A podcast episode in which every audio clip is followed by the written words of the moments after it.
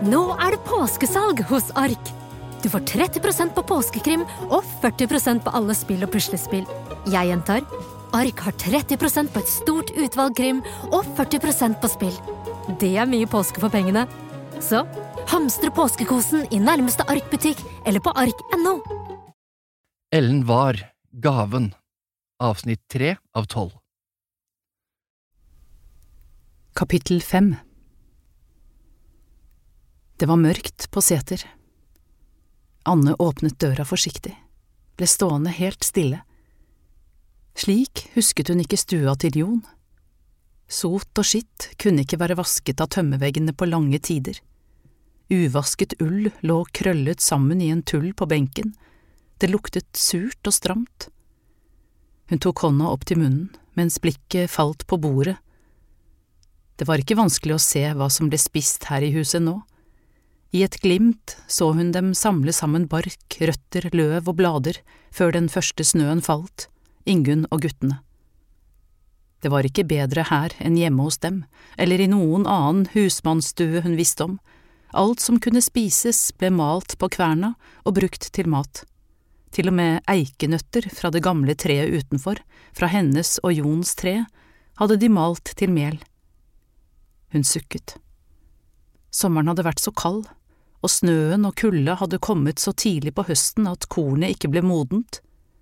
Noe hadde de måttet berge inn mens det ennå var grønt, mens resten ble stående ute og råtne på staurene. Plutselig så hun stua med karens øyne, dette usle husmannsbordet opp mot det festkledde spisebordet i finstua på hovedgården. Hun så kirkegården med alle de døde barna, trælete arbeidshender, fingre som røk med under farlig arbeid, tjenestepiker med altfor tynne klær og støvler, trøtte husmannskoner med lang vei hjem etter tjeneste, Jon i skogen. Det sprengte et sted inni henne, hun knyttet nevene. Da hørte hun et svakt kremt borte fra senga. Det lå noen der under teppet som rørte på seg, som heiste seg opp på albuene og så på henne med matte øyne. Hans. Kjente han henne ikke igjen? Det er Anne, Anne fra Sevald. Hun gikk bort til sengebenken og smilte til ham. Jeg har tatt med Elseby så hun kan se til såret ditt. Hun kommer straks, hun er bare ute og tjorer fast hesten til den gamle eika. Hun prøvde å være stødig i stemmen, men det gikk ikke så bra.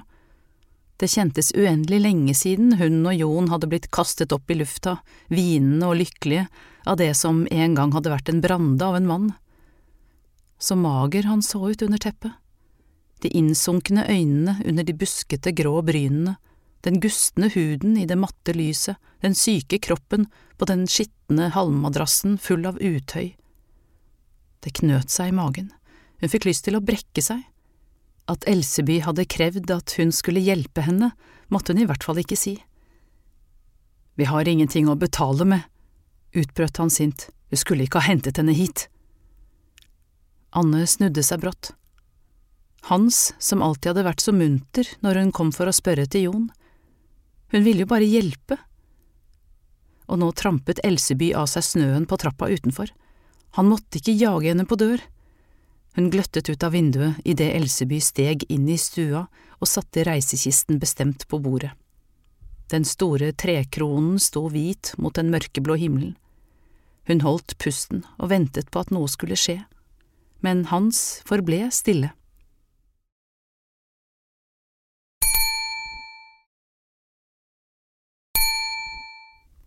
Like innenfor døra sto en bøtte med vann, vannet var frosset til is. Hun tente opp i grua og hengte den på kroken over de svake flammene så det fikk tine. Endelig var Elseby her. Hans kunne jo rent ha frosset i hjel her inne om han ikke engang klarte å komme bort til grua og holde liv i varmen. Uten signing ingen helbredelse, og uten signing ingen beskyttelse. Du må alltid hente kraft og styrke fra det hellige. Du kan ikke hjelpe noen uten at du velsigner dem, Anne. Elseby klappet henne på skulderen, trakk opp et stort, skinnende sølvkors fra brystlomma og gikk bort til Hans. Bli med meg. Anne gispet. Slik hadde det ikke vært i skogen da Elseby hadde lagt groblad på sårene hennes. Kanskje var det noe i det Karen hadde sagt likevel? Hun hadde i hvert fall rett i at det var mye som var urettferdig, men mystiske bønner og magiske handlinger, det hadde hun ikke trodd på, ikke før nå. Og nå var det for sent å angre. Hun lot bøtta henge og fulgte etter. Elseby holdt korset like over den askegrå panna mens hun ba en bønn som var ulidelig lang.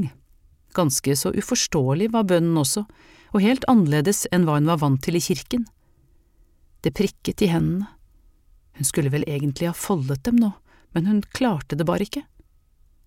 Endelig avsluttet Elseby, i Faderens, Sønnens og Den hellige ånds navn. Anne pustet lettet ut, men så tok Elseby til å mumle igjen. Hele tre ganger etter hverandre gjentok hun den siste setningen. Da hun endelig var ferdig, la hun korset tilbake i den sorte brystlomma. Hva ville Hans tenke nå? Anne flyttet engstelig blikket bort på ham, men det biske ansiktet så plutselig fredfylt ut, og det var visst kommet litt farge i de bleke kinnene. Dette var nok nær så godt som presten. Du får holde beinet hans så hardt du bare kan, Anne. Hun holdt benet fast med begge hender mens Elseby brettet opp buksa og forsøkte å fjerne den blodige filla som var surret rundt foten, men Hans var sterk. Han ristet og vred på hver eneste muskel i kroppen og skrek gjennom sammenbitte tenner. Føttene spente mot veggen. Det var jommen på tide at noen så til deg, Hans. Du skal være glad for at Anne sendte bud på meg, dette er ille. Vet ikke hvor lenge du hadde klart deg uten hjelp. Elseby studerte den delen av såret som var kommet til syne. Har du et stearinlys så jeg kan se bedre? Hans ristet på hodet. De mørke øynene var blodsprengte, svetten silte nedover ansiktet og ned på det grå skjortebrystet. Se nederst i kisten, Anne. Elseby beordret henne. Anne stakk hånda ned i kisten, men trakk den hurtig opp igjen, som om hun hadde brent seg. En sort bok lå nederst i kistebunnen. Hun skalv over hele kroppen. Den skal du ikke være redd for, ropte Elseby til henne. Der er de beste urteoppskriftene mine skrevet ned. Kom hit med stearinlyset. Anne stakk hånda nede igjen, fisket opp lyset og tente det med flammen fra grua. Hun skalv på hendene fremdeles. Var det riktig at boka bare hadde gode oppskrifter? Hun hadde hørt om slike bøker før, at de hadde sorte sider, og at bokstavene var skrevet med blod, at om en ukyndig leste i boka, kunne den påkalle selveste Au! Hun brant seg på lyset. Hold det opp for meg, sa Elseby utålmodig. Hun skyndte seg bort til senga, holdt lyset over benet til Hans slik hun var blitt bedt om, svelget noen ganger. Selv om hun hadde vent seg til stanken her inne nå, var det verre når hun sto så nær. Det luktet råttent, blod og gul verk hadde klistret seg fast til filla. Elseby vetet den forsiktig, og med varsomme fingre løsnet hun den siste fliken som satt fast. Under lå såret, stort og dypt. Vi trenger boksen med mjødurt, sa hun bestemt. Uten å spørre fant Anne den fram fra kisten, unngikk å komme nær boka. Men hun måtte ikke være redd nå, det var jo tross alt hun som hadde bedt Elseby om å komme, og boksen med mjødurt var det ikke vanskelig å finne. Mjødurt, luktet som nyslått høy. Det var umulig å ta feil. Elseby nikket fornøyd og kom bort til henne. Det beste hadde selvfølgelig vært om det var sommer og mjødurten var frisk, for da kunne vi ha knust den og laget et kaldt omslag. Men nå må vi gjøre det på en annen måte. Vi får lage et varmt omslag i stedet. Det gjør samme nytten. Hun hentet opp en liten sil fra kisten og hang den over kjelen med det varme vannet helte de tørkede blomstene fra mjødurten opp i silen og la lokket på. Selv samlet Anne sammen fillene som hadde vært rundt såret, og kastet dem inn i grua. Flammene sto høyt opp, og da hun snudde seg, sto plutselig Ingunn i døra, blek og dratt i ansiktet, med Martin, minstegutten, ved siden av seg. Anne hadde ikke hørt en lyd. ikke et eneste forvarsel. Hun kikket bort på Martin. Han så knapt ut til å klare å stå på føttene, seksåringen, og han var minst like gusten i huden som faren, men da han så Anne, slapp han moren og løp bort til henne. Anne, sa han og holdt hardt rundt livet hennes. Hun hadde passet ham sammen med Jon flere ganger. Han var en snill og følsom liten gutt. Han minnet henne om Ole, slik alle små og følsomme gutter gjorde. Hun klemte ham og satte seg ned på benken med ham ved siden av seg.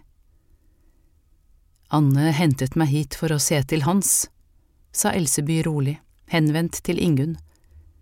Men nå ser jeg at gutten din kunne trenge hjelp også.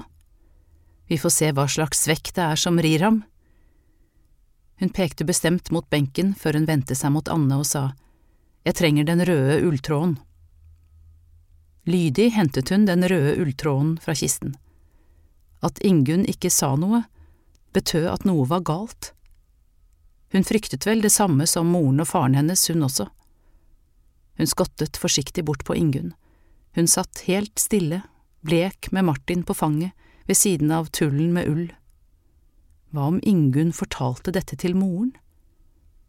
Men hva hjalp det vel å være redd nå, hun måtte gjøre dette for Jon, det forsto sikkert Ingunn, hun ville vel også bare det beste for gutten sin. Hun rakte den røde ulltråden til Elseby, men Elseby gjorde bare en bestemt armbevegelse tilbake mot henne. Du får gjøre det du, Anne. Hun nølte, gikk noen skritt bakover, men Elseby holdt henne fast med blikket. Det samme blikket som hun hadde sett ute i skogen, over grua for noen øyeblikk siden, de sterke, kraftfulle øynene. Målene tar du fra albuen til fingerspissene, sa den kloke uten å vike. Anne ble stående og riste på hodet, men da Ingunn hadde trukket skjorta av Martin etter ordre fra Elseby, og hun så hvordan den lille, magre kroppen ristet, la hun den ene enden av den røde ulltråden mot albuen hans og dro den raskt ut til fingerspissen. En gang til, beordret Elseby. Hun gjorde det samme en gang til, trakk den røde ulltråden fra albuen og ut til fingerspissen. Var lengden den samme nå? Hun nikket, ja, den var helt lik. En gang til. En gang til? Hun håpet at ikke Elseby så hvordan hun skalv på hendene. Ja, alltid tre ganger. Du vet vel det at tre er et magisk tall, et lykkebringende tall? Hun ristet på hodet, men hun visste det inni seg likevel, for hun gjentok ofte ting hun trodde på tre ganger selv, uten å vite hvorfor. Det bare føltes riktig. Hm, sa Elseby. Var lengden den samme nå? Nei, denne gangen var den kortere. Hun visste ikke om hun hadde målt helt riktig, for hun var kanskje ikke konsentrert nok mens Elseby hadde snakket, men lengden virket kortere, og hun våget i hvert fall ikke gjøre det en fjerde gang, da ble kanskje magien borte. Det var verre. Elseby la hendene over brystet hans. Det er her det er vondt, ikke sant? Martin nikket, tennene klapret i den lille munnen, og Ingunn ba om ikke skjorta snart kunne komme på igjen. Du får gjøre i stand urtedrikken, Anne, sa Elseby mens hun fortsatte å holde hendene mot Martins bryst. Anne så et øyeblikk usikkert bort på Elseby. Det er den minste boksen. Furunål, lungeurt, timian, korsknapp, veipilurt, marsfiol, lindeblomst, salvie, hestehov og ryllik. Hele sommeren var fanget i den lille boksen. Anne helte det varme vannet over koppen med de tørkede plantene, og la deretter noen flere vedkubber i grua. Gutten ble nå ikke bedre av å fryse. Hun tenkte på alle de gangene de hadde gått gjennom skogen på jakt etter bær, og Jon hadde båret lillebroren på skuldrene. Så glad Martin hadde vært, hun også. Noen ganger hadde de lekt med ham borte ved den gamle eika. I le av det store treet hadde de laget kyr av grankongler. Hun hadde plukket tynne grener og delt dem i korte biter, og Martin hadde stukket dem inn mellom skjellene slik at de sto støtt på fire ben. Men det var ikke nok med bare grankongler for Jon. Han hadde laget en storgård med flere hus og gjerder av grener, steiner og bar, og da hadde hun tenkt at han lagde drømmen sin. Hun hadde funnet furukongler, og de ble til sauer og griser. Og en dag hadde hun funnet svartordkongler på veien til seter, og Martin hadde laget høner, katter og andre små dyr som skulle bo på gården til storebroren. Bare Hans ble frisk, kunne Jon fortsette å drømme om gården sin. På nytt trakk Elseby korset ut av brystlomma. Hun gjentok velsignelsen tre ganger over den lille, bleke panna. Så sa hun myndig, Det er klart, Anne, og trakk seg tilbake til krakken ved grua. Anne satte seg ved siden av ham og ga ham koppen med urtedrikken. Han lignet på storebroren sin, det var helt sikkert, brune, snille øyne, mørkt, stritt hår. Hun strøk ham over håret og kjente at det gjorde godt et sted inni seg. Dette vil hjelpe deg, Martin. Så kastet hun et engstelig blikk bort på Ingunn.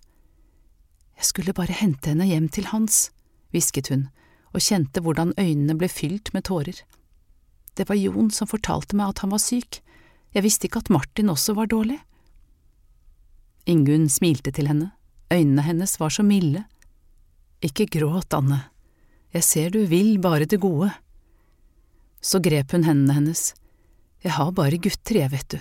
Fine er de alle fire, men du var alltid jenta mi. Hun kjente hvordan det Ingunn sa varmet. Ingunn så henne, det hadde hun alltid gjort. Hun tørket øynene med kjoleermet.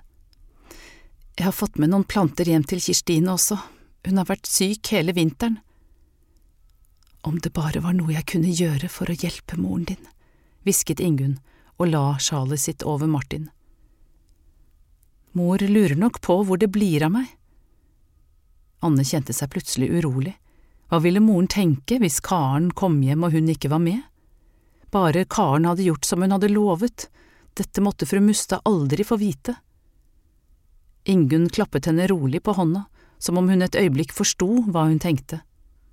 Så la hun Martin, som hadde sovnet på fanget hennes, oppå ulltøyet og gikk bort for å se til mannen. Elseby løftet silen opp fra kjelen. Mjødurten var blitt en myk og varm grøt som hun la jevnt utover et rent linklede. Så brettet hun og foldet det pent. Nå kan du legge omslaget jevnt utover såret til Hans, Anne. Hun reiste seg opp fra benken og gikk bort til Elseby. Nesten som i et ritual overga Elseby omslaget til henne. Det virket i hvert fall høytidelig. Omslaget var varmt.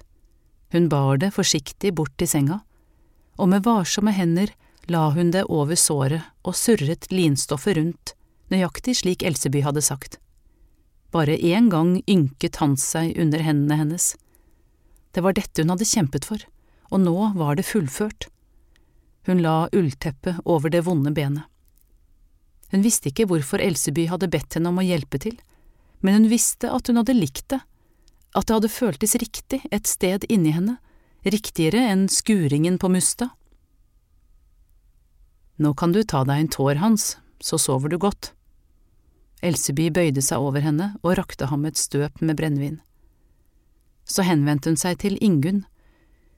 Omslaget må du la sitte på til i morgen, det trekker verken ut av såret og virker svalende. Du skal ikke engste deg, Ingunn, det vil lege såret til mannen din, han vil bli frisk igjen, gutten din også. Takk, sa Ingunn, mens Elseby knyttet skautet og gjorde seg klar til å gå. Vi skulle så gjerne ha gitt deg noe. Elseby ristet bestemt på hodet. Hva var det hun hadde vært så redd for? Dette hadde da ikke vært det minste mystisk kanskje bortsett fra korset og bønnene, men ellers… Hvem er det? Ingunn rettet seg plutselig opp. Jeg synes jeg hørte noen utenfor. Er det Jon og tvillingene som kom hjem fra gården? Det er fruen på Mustad som kommer, sa Elseby rolig uten å se ut. Fru Mustad, gispet Anne. Det kunne ikke stemme. Hun rygget tilbake og fant plass ved siden av Ingunn, innerst på sengebenken, mens hun holdt seg for ansiktet. Elseby måtte ta feil.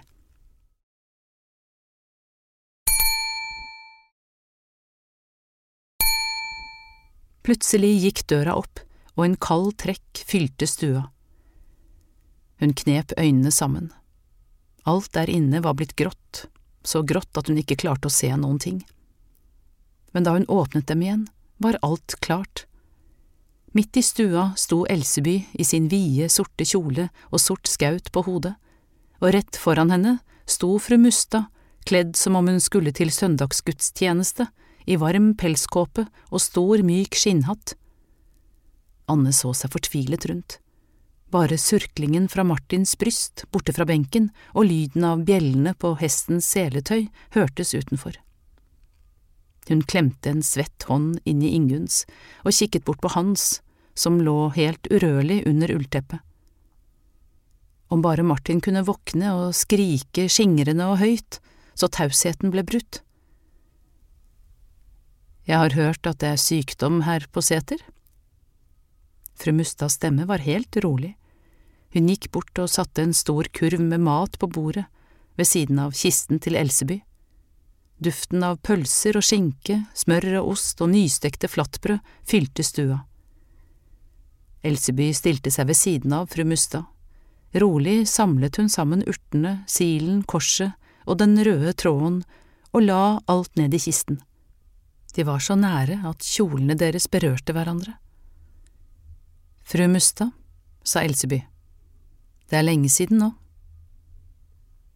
En vedkubbe falt over ende inne i grua fikk det til å flamme kraftig opp og lyste opp øynene til fru Mustad. De var mørke, nesten sorte. Hvem har gitt tillatelse til dette? Jeg er min egen herre, svarte Elseby. Jeg vil aldri se deg her mer, verken her eller i noen andre stuer under Mustad. Fru Mustads stemme dirret. Det knitret fra grua, og fra kjelen hvor de tørkede urtene var blitt varmet, kom en sterk, søtlig duft og blandet seg med matlukten. Om hun bare kunne stille seg midt mellom dem og forklare. Så hørte hun døra gli igjen, og Elseby var borte. Ingunn var den første som brøt stillheten. Vi er så takknemlige, fru Mustad. Hun reiste seg og neide dypt. Martin hadde også våknet nå og stirret bort på fru Mustad med store, undrende øyne. Hans hadde heist seg opp i senga og lå og støttet seg på albuene mens han nikket høflig. Bare Anne satt urørlig og ventet på at også hun skulle bli vist bort. Fru Mustad forsto nok hvordan det hele hang sammen. Vi skal selvfølgelig hjelpe dere, sa fru Mustad, sterkere i stemmen nå. Så sto hun helt stille en lang stund, samlet seg men herr Mustad vil trenge Jon i skogen, også etter at Hans er blitt frisk. Hva var det fru Mustad sa? Anne kvalte et skrik. Så dette var straffen. Hun hadde lyst til å rope ut hvor galt det var, at alt det som hadde skjedd her inne var gjort mulig av den gode kraften, en høyere makt som bare ville menneskene vel, og at Elseby var en tjener for den kraften men hun fant ikke motet i seg til å si et eneste ord. Hun hadde sveket fru Mustad, men nå var det fru Mustad som svek henne. Nå ventet vel også straffen på Sevald. Fru Mustad samlet sammen skjørtet med en rolig bevegelse og gikk mot døra. Der grep hun om håndtaket med den hanskekledde hånda og vendte seg sakte om. Anne? Anne reiste seg sakte kjente at hun skalv i bena som det skjøre løvet om våren. Ja, fru Mustad? Du kan gå hjem til Sevald nå, jeg vil snakke med Ingunn og Hans alene.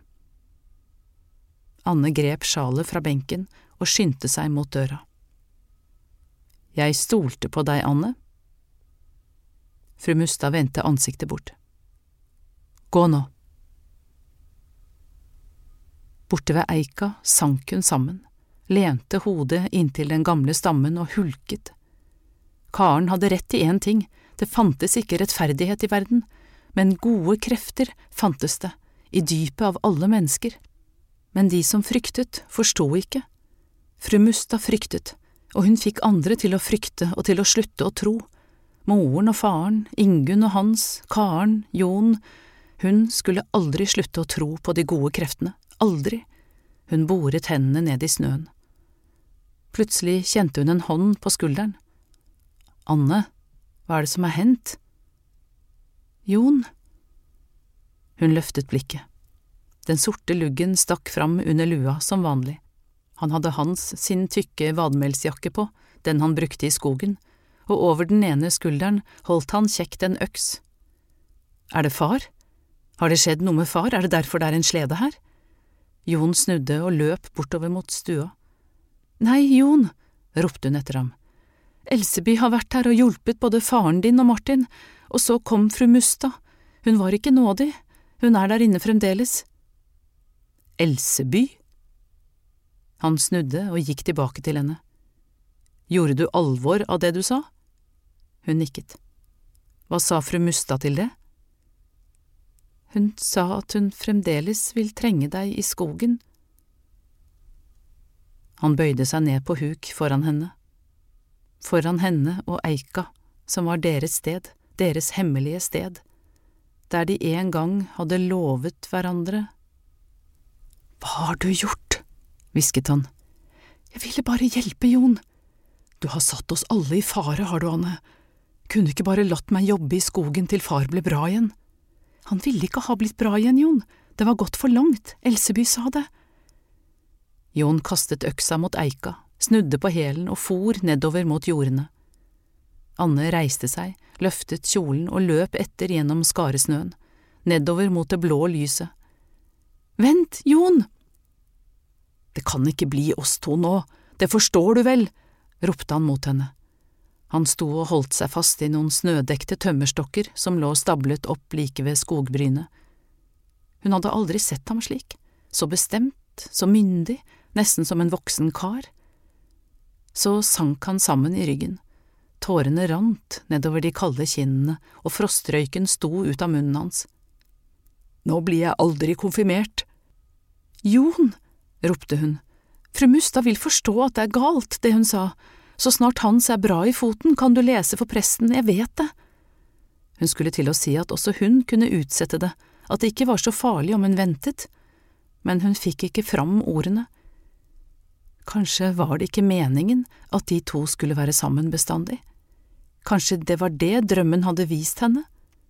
Drømmen hun hadde våknet opp med i går morges, drømmen som hadde føltes så virkelig og fylt henne med en ny og ukjent lengsel. Kanskje ville alt etter denne dagen bli annerledes?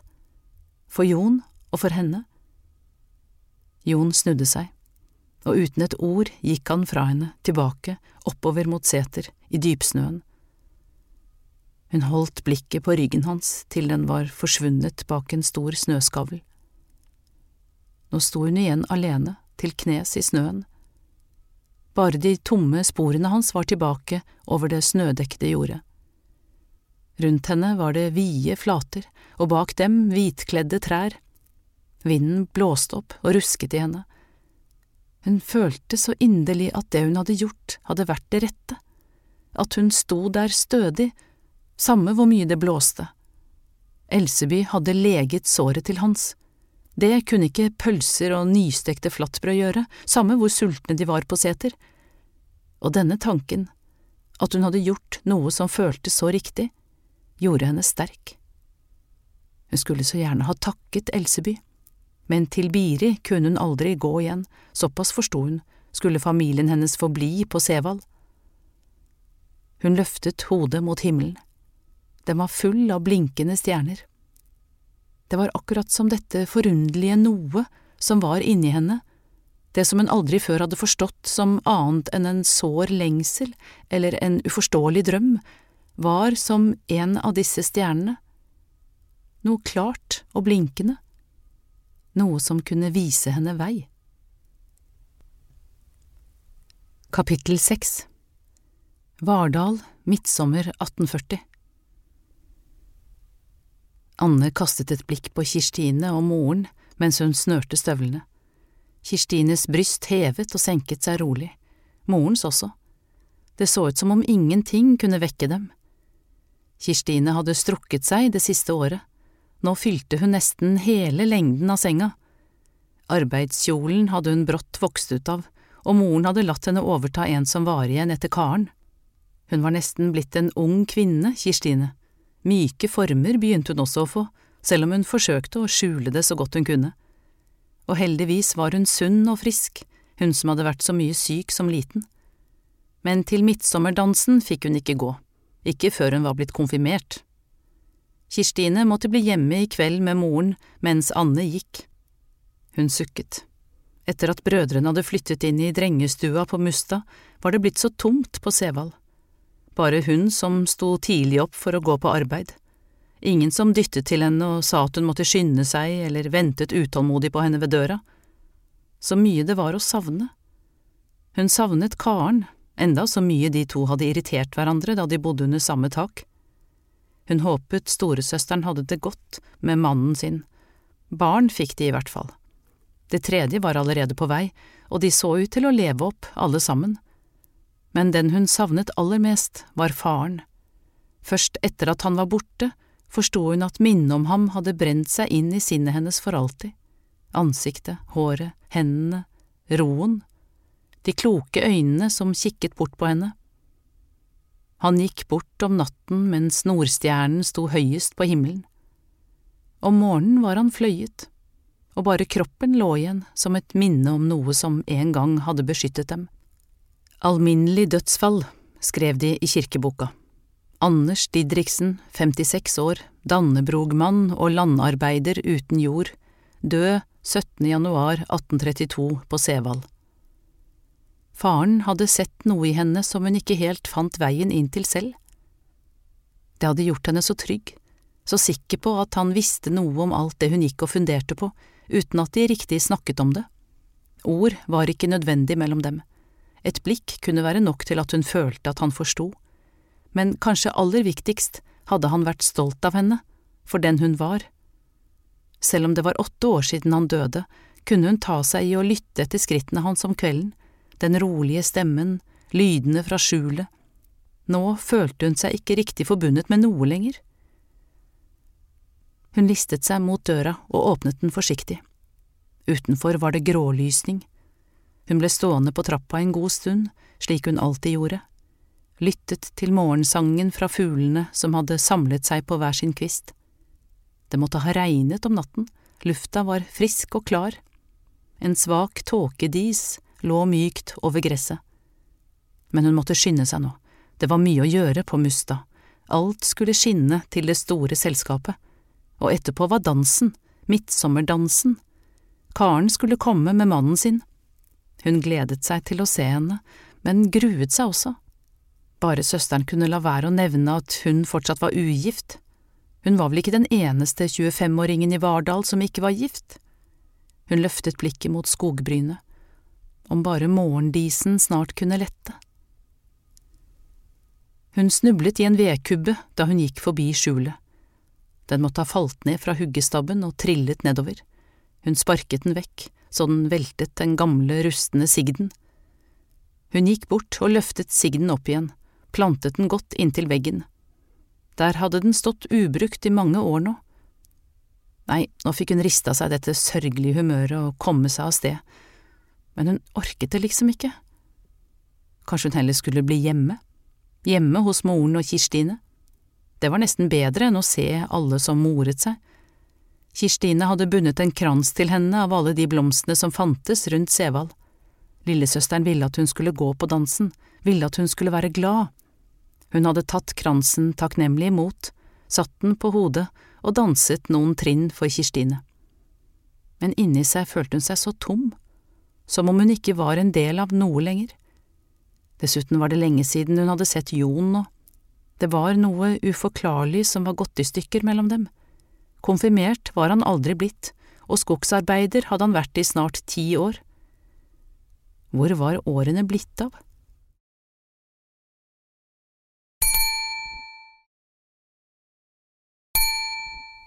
Hun hadde trodd at hun hadde gjort et klokt valg ved å holde ham på avstand.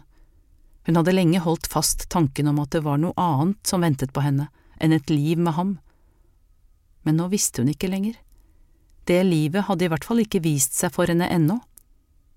Når de møttes, snakket de aldri om det som hadde hendt på seter, for hva skulle de snakke om?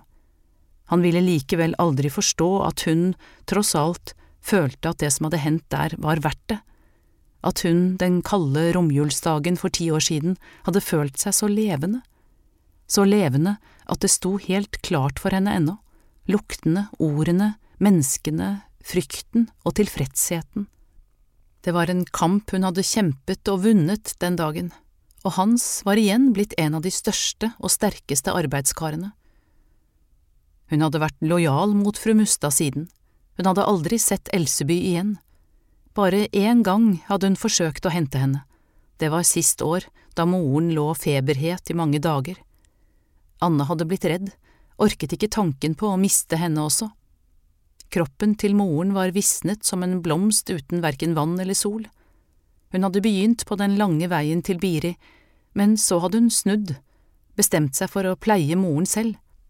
Hun hadde husket hva Elseby hadde sendt med henne hjem den gangen Kirstine lå syk, og selv om det var høst og det meste av liv lå råtnet til jorda, sto sisselrota grønn og frisk i skogen og liksom ventet på henne. Hun hadde dratt opp hele planta med rota og tørket jordstengelen foran grua før hun hakket den opp med farens tollekniv. Flere ganger om dagen hadde hun støttet opp moren og fått henne til å drikke avkoket, og da moren sov, la hun hånda på den glovarme panna hennes og ba. Men det hadde tatt tid før moren viste tegn til bedring, og Anne var helt overbevist om at det måtte finnes enda bedre botemiddel i naturen for moren enn sisselrota om hun bare hadde visst hva hun skulle se etter.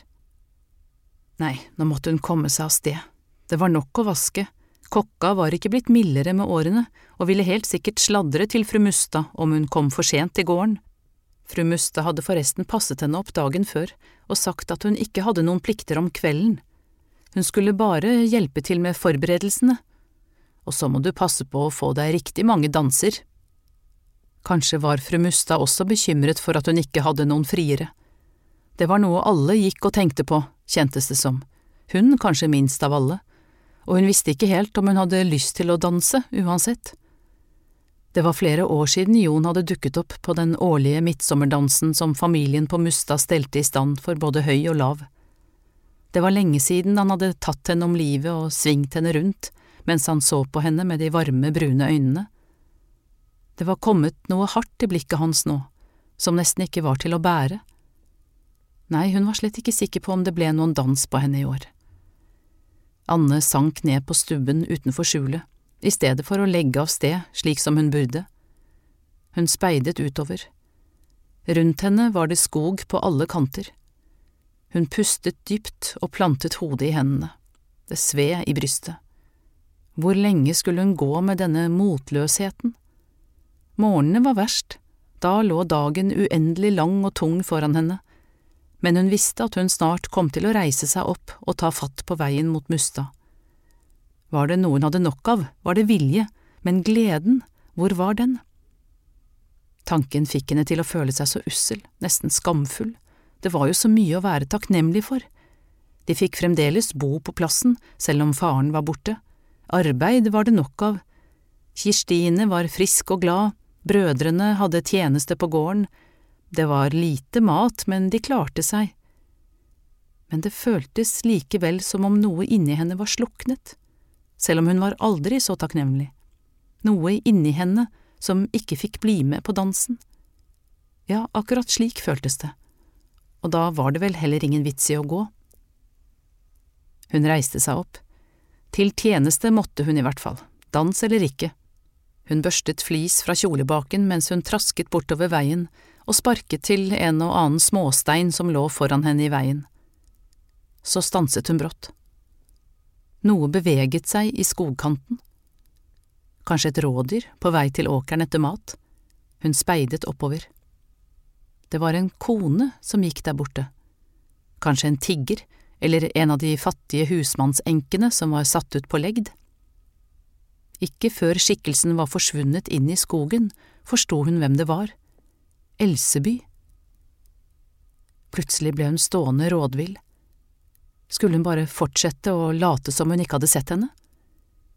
Hun gikk noen skritt videre, tenkte på fru Mustad som ville takke henne om hun kom tidlig. Men noe i henne fikk henne til å vende om og løpe tilbake så støvskyen sto rundt kjolekanten. Elseby! ropte hun Elseby, vent! Hun tok av fra veien og løp oppover mot skogen det raskeste hun maktet. Men Elseby var ikke å se. Først da hun begynte på stien innover i dypskogen, sto den kloke plutselig foran henne mellom to store grantrær med en kurv på armen. Anne stanset og hev etter pusten mens hun betraktet henne. Det kullsorte håret som stakk ut av skautet, hadde fått noen grå striper, og panna, som før var glatt, var blitt rynket, men blikket var det samme. Det dirret, trakk henne i en annen retning enn i den hun var på vei, og da Elseby igjen begynte å gå, fulgte Anne etter. Elseby beveget seg lett og mykt, som et dyr på jakt etter et bytte. Anne forsøkte å gå like forsiktig, men rett som det var tråkket hun på en tørr kvist som knakk under vekten av foten, eller så kom hun borti en gren som ga fra seg en lyd når den slapp kjolen og hun var fri. Hvor ofte hadde hun ikke tenkt at det å gå i skogen var som å gå i et kirkerom? Anne kjente det nå også, helt inni hjerterota, som noe varmt og trygt, nesten som noe usynlig var der inne og passet på henne. De kom til en lysning i skogen. Rundt dem, på høye knauser, sto store, tunge trær, og midt imot dem en enkel bjerk. Morgenskodda slapp inn gjennom de lysegrønne bladene. I dypskogen var bunnen tørr og brun, men her inne var den grønn i alle nyanser av mose, fuktig gress, strå og blader. Det var det vakreste stedet hun hadde sett. Elseby klatret opp på en knaus og plukket av et bladskudd fra en gran som hun puttet i munnen og tygget omhyggelig på. Så kom hun tilbake til stien og gikk videre, og Anne fulgte etter. Om hun bare kunne fått forklart Elseby hvor levende hun hadde følt seg den dagen de to var sammen på seter, men at livet etter det bare hadde ført henne med seg, som om hun fløt nedover en stri elv som hun ikke kunne rå med, alt arbeidet på gården, farens død, morens sorg, omsorgen for Kirstine, helt til hun ikke husket mer hva det var som hadde føltes så godt. Stien smalnet og ble til et kratt. Småvokste trær og buskas gjorde det vanskelig å gå, men snart var de gjennom, og en stor, grønn slette åpnet seg. Anne ble stående helt stille. Hva ville den kloke henne? Det er sankthansmorgen, Anne, tiden for å sanke.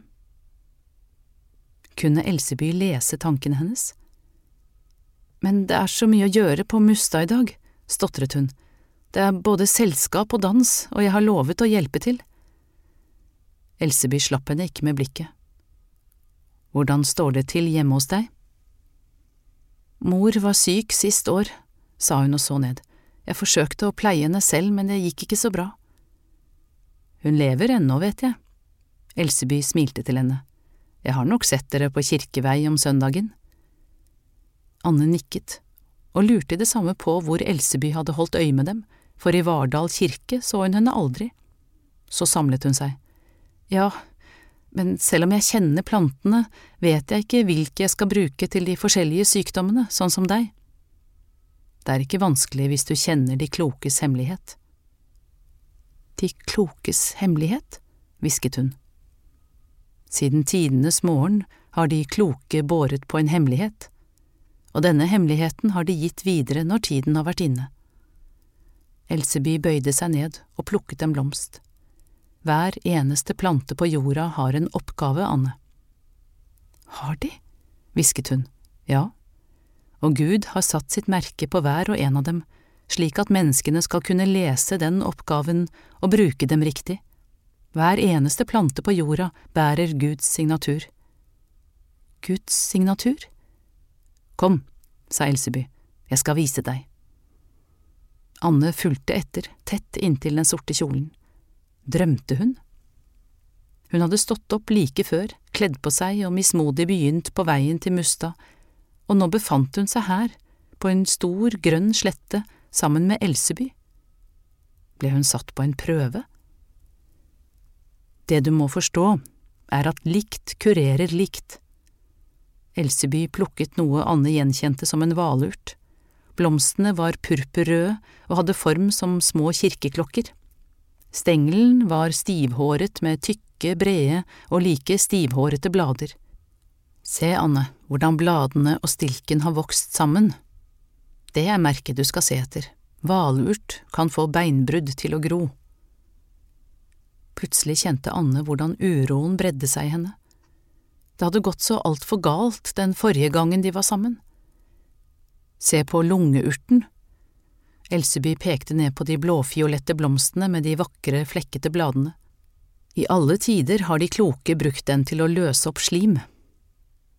Anne husket duften av lungeurt i urteblandingen til Martin. Er det formen som viser signaturen, da? spurte hun forsiktig. Ikke bare formen, Anne, fargen også. Se på berberis, svaleurt og løvetann, sterke og gule, gode for gulsott og gallesmerter. Så både formen og fargen er viktig. Elseby fulgte henne med øynene mens hun snakket, gransket henne slik hun gransket plantene. Form, farge, lukt og smak, sa hun, er like viktig. Så snudde hun seg og pekte på en liten johannesurt. Se på væsken som kommer ut fra de små hullene i stengelen, den er blodrød. Forstår du? Anne nikket. For sår, sa hun stolt. Hun hadde aldri glemt den røde spriten Elseby hadde gitt henne på Biri, den var laget på johannesurt. Elseby bøyde seg ned og plukket en tepperot. Samme her, gule blomster som på johannesurten, men rød marg, god ved blødninger den tetter igjen sår. Det er noe jeg har merket, men aldri riktig forstått, sa Anne plutselig, og skjønte ikke hvorfor hun med ett var blitt så modig. Hva da? Elseby kom nærmere. Jeg har mange ganger plukket inn einebær til fru Mustad, hun bruker dem til så mye forskjellig. Ja, og? Elseby stirret spent på henne. De blå bærene, hvisket hun. De blå bærene bærer et kors. Det er et tegn, ikke sant? Elseby nikket flere ganger. Einer er et hellig tre og har en vernende kraft. Det er derfor Gud har merket bærene med et kors, slik at vi skal forstå og bruke dem med ærefrykt. Elseby pekte mens hun beveget seg sakte bortover sletta. Ser du bjerka der borte? Anne nikket igjen. Ved siden av einer er bjerka det jeg bruker mest. Veden, neveren, røttene og sevjen. Alt er verdifullt. Hva med ugress, da, er de også merket? spurte hun tvilende. Ja, lo Elseby, ugressplanter er de aller beste sårhelerne. Er de? Du forstår det hvis du ser på marken, marken er jordas hud. Der jorda er skadet, vil det alltid vokse opp ugress først, for å hele den, og det som er sårhelere for jorda, er også sårhelere for menneskene. Se bare borte ved åkeren, hvis du går langs kanten vil du oppdage både tungras, groblad og ryllik. Det var fremdeles kjølig, for sola hadde ennå ikke kommet ordentlig opp, og Annes kjole var for lengst fuktet nederst langs kanten av all duggen, men det gjorde ikke noe, hun merket det knapt.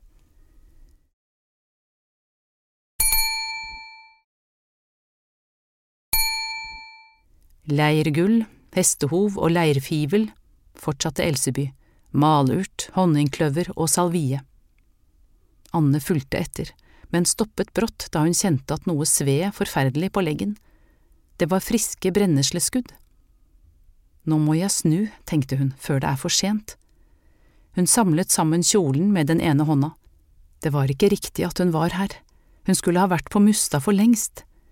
Hun tørket en enslig tåre som rant nedover kinnet. Anne, se her.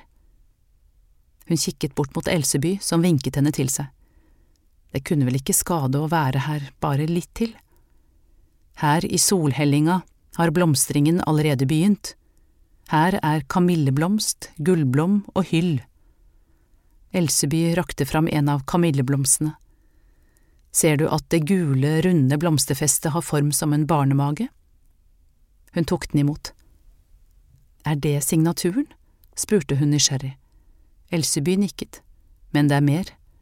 Del det gule blomsterfestet i to. I to? Ja, prøv. Anne dro forsiktig av ett og ett av de hvite bladene. Til slutt sto hun igjen med bare blomsterfestet. Så delte hun det i to. Hva ser du? Det er hult. Ja, nettopp, et hulrom, som en kvinnes skjød.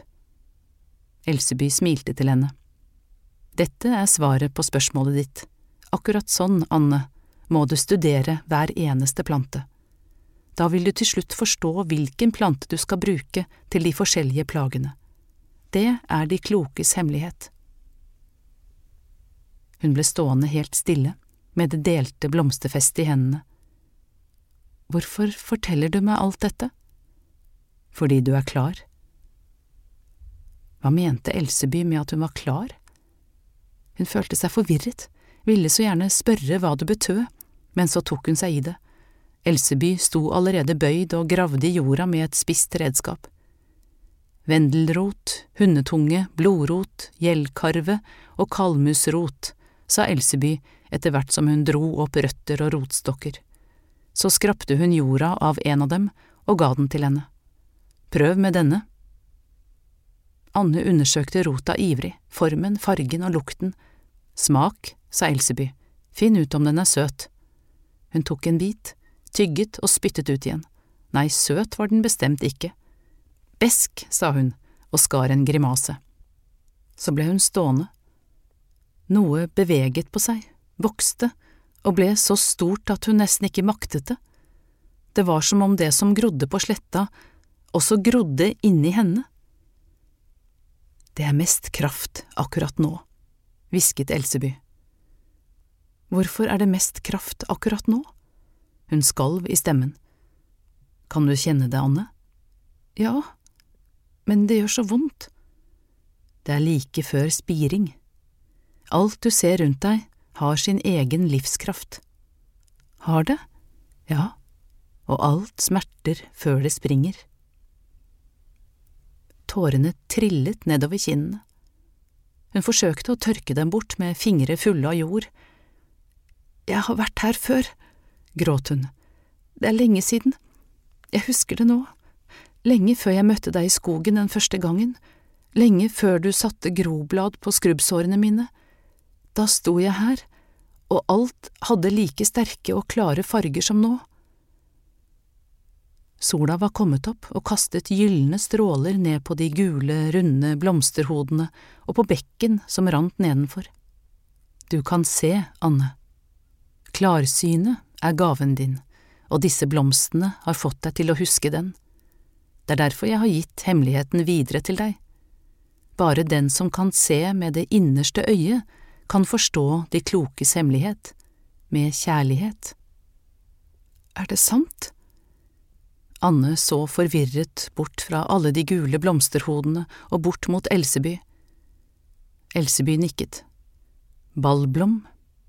De vibrerer i samme takt som hjertet ditt, disse gule blomstene. Men hvorfor gjør det så vondt hvis det er gaven min? Det er alt som er rundt gaven din som brister. Jeg er sikker på at det ikke var vondt den første gangen du var her. Nei, da var det bare fint. Jeg kan ikke ha vært mer enn fem år, jeg var her alene, jeg har ikke tenkt på det siden. Hun rettet seg opp i ryggen, plutselig forsto hun hva Elseby hadde sagt.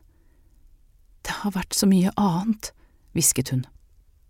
Da er det alt det andre du har tenkt på siden, som brister. Du skal tilbake nå og hente den, Anne, gaven din. Det er det som skjer. Den har ligget lenge nok og ventet på deg.